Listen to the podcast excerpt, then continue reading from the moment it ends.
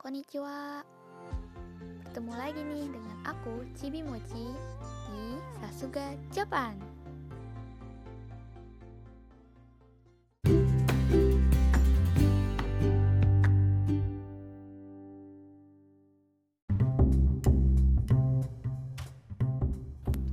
Hai, minasan ohayo gozaimasu. 元気ですかももちゃんは元気です。あお久しぶりですね Udah lama nih gak ketemu di podcastku kali ini Aku mau ngomongin tentang bagaimana pemerintah Jepang menanggulangi pandemi COVID-19 ini Dan ya ada beberapa hal menarik juga yang baru aku temuin di Jepang ini Langsung aja deh, kalau kepo stay tune terus ya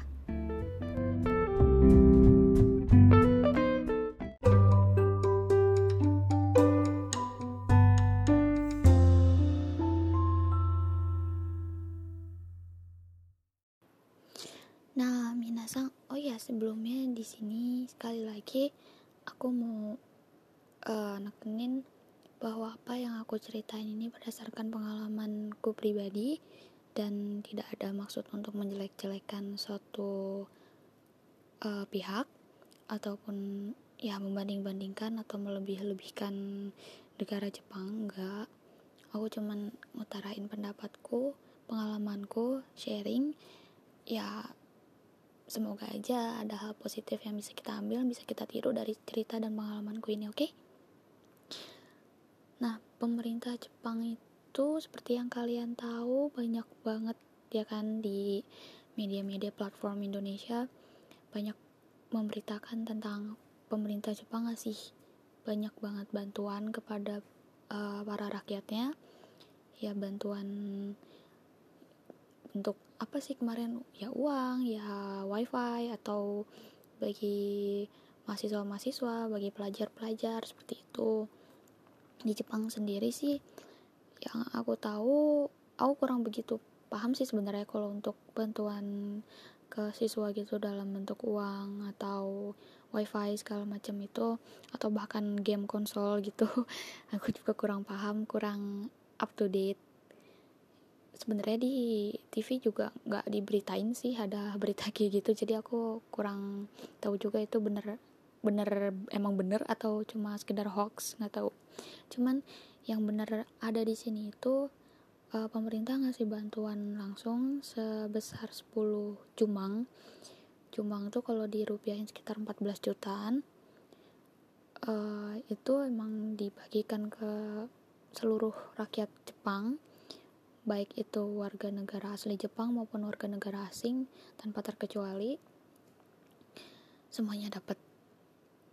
Ya walaupun di masing-masing daerah beda-beda sih dapatnya nggak serempak semua itu. Ya kali serempak. Enggak lah. Uh, sempet nunggu lama sih waktu itu karena uh, udah mulai ada berita ya kan dari bulan lalu. Di tempatku sendiri di prefektur Saitama itu mungkin karena emang deket Tokyo dan jumlah warganya banyak juga jadi agak telat datangnya sih surat dari pemerintah itu. Di situ kita tulis uh, nama terus ngelampirin uh, apa ya kalau di Indonesia mungkin semacam KTP gitu ngelampirin itu.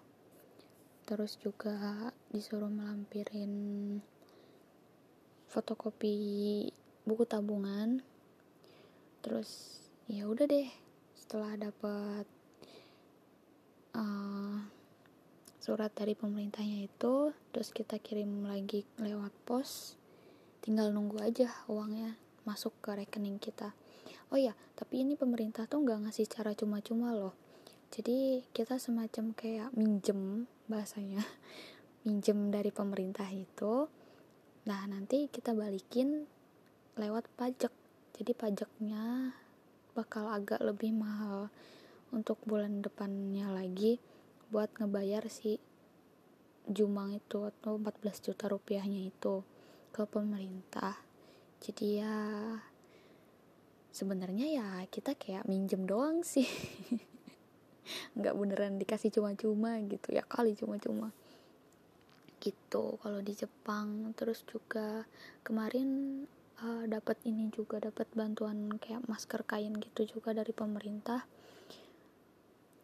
Ya banyak sih sebenarnya uh, langkah-langkah yang dilakukan pemerintah Jepang untuk menanggulangi COVID ini. Kemarin itu kan sempat uh, ada berita bahwa kasus di Jepang itu udah mulai reda, udah mulai ya bisa dikatakan udah mulai aman. Dan di beberapa prefektur juga udah pada dilepas status waspadanya udah pada mulai beroperasi kembali normal lagi. Cuman ternyata di Tokyo muncul kasus-kasus baru yang bahkan lebih wah dari sebelumnya.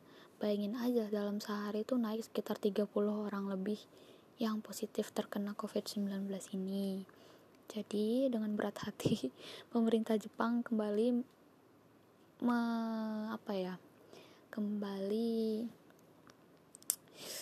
memberikan uh, apa sih itu namanya?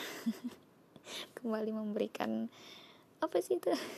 ya berita lah ke rakyat-rakyatnya untuk lockdown lagi untuk self quarantine lagi dan sekarang Tokyo kembali ke status waspada lagi bahaya juga sih ya jujur aku sendiri juga masih takut untuk ke mana-mana masih takut untuk naik kereta dalam jarak jauh.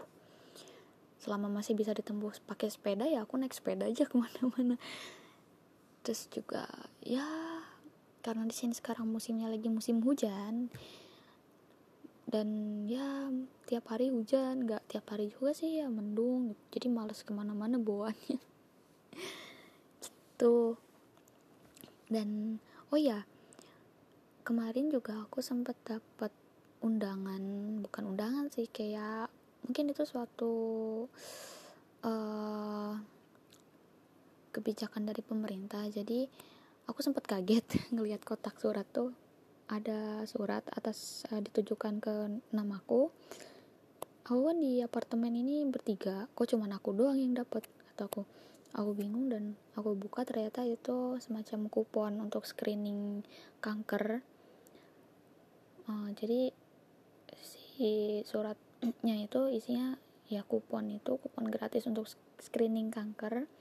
Jadi pemerintah tuh ngasih kayak keringanan untuk warga-warganya. Aku pikir cuma warga Jepang doang yang dapat ternyata enggak. Warga asing juga dapat kayak kamu bisa ngecek uh, tubuh kamu itu ada kanker atau enggak? Jadi kayak screening gitu. Screening ya apa sih Indonesia ya?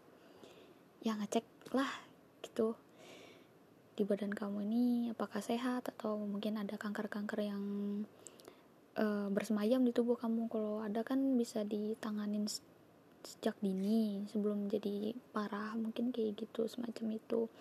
Dan aku kaget apa apakah kenapa cuma aku doang yang dapat ternyata di Jepang itu ada semacam sistem kayak um, misal tahun ini tahun 2020 dari misal dari bulan Januari sampai bulan Agustus itu uh, semua kupon bukan kupon ya semua surat untuk screening kanker gratis ini ditujukan bagi warga yang berusia 20 tahun nah nanti bulan selanjutnya dari bulan September untuk seterusnya itu mungkin untuk yang umur 21 tahun begitu seterusnya. Jadi nggak berk semuanya dapat enggak jadi dibeda-bedain usianya begitu.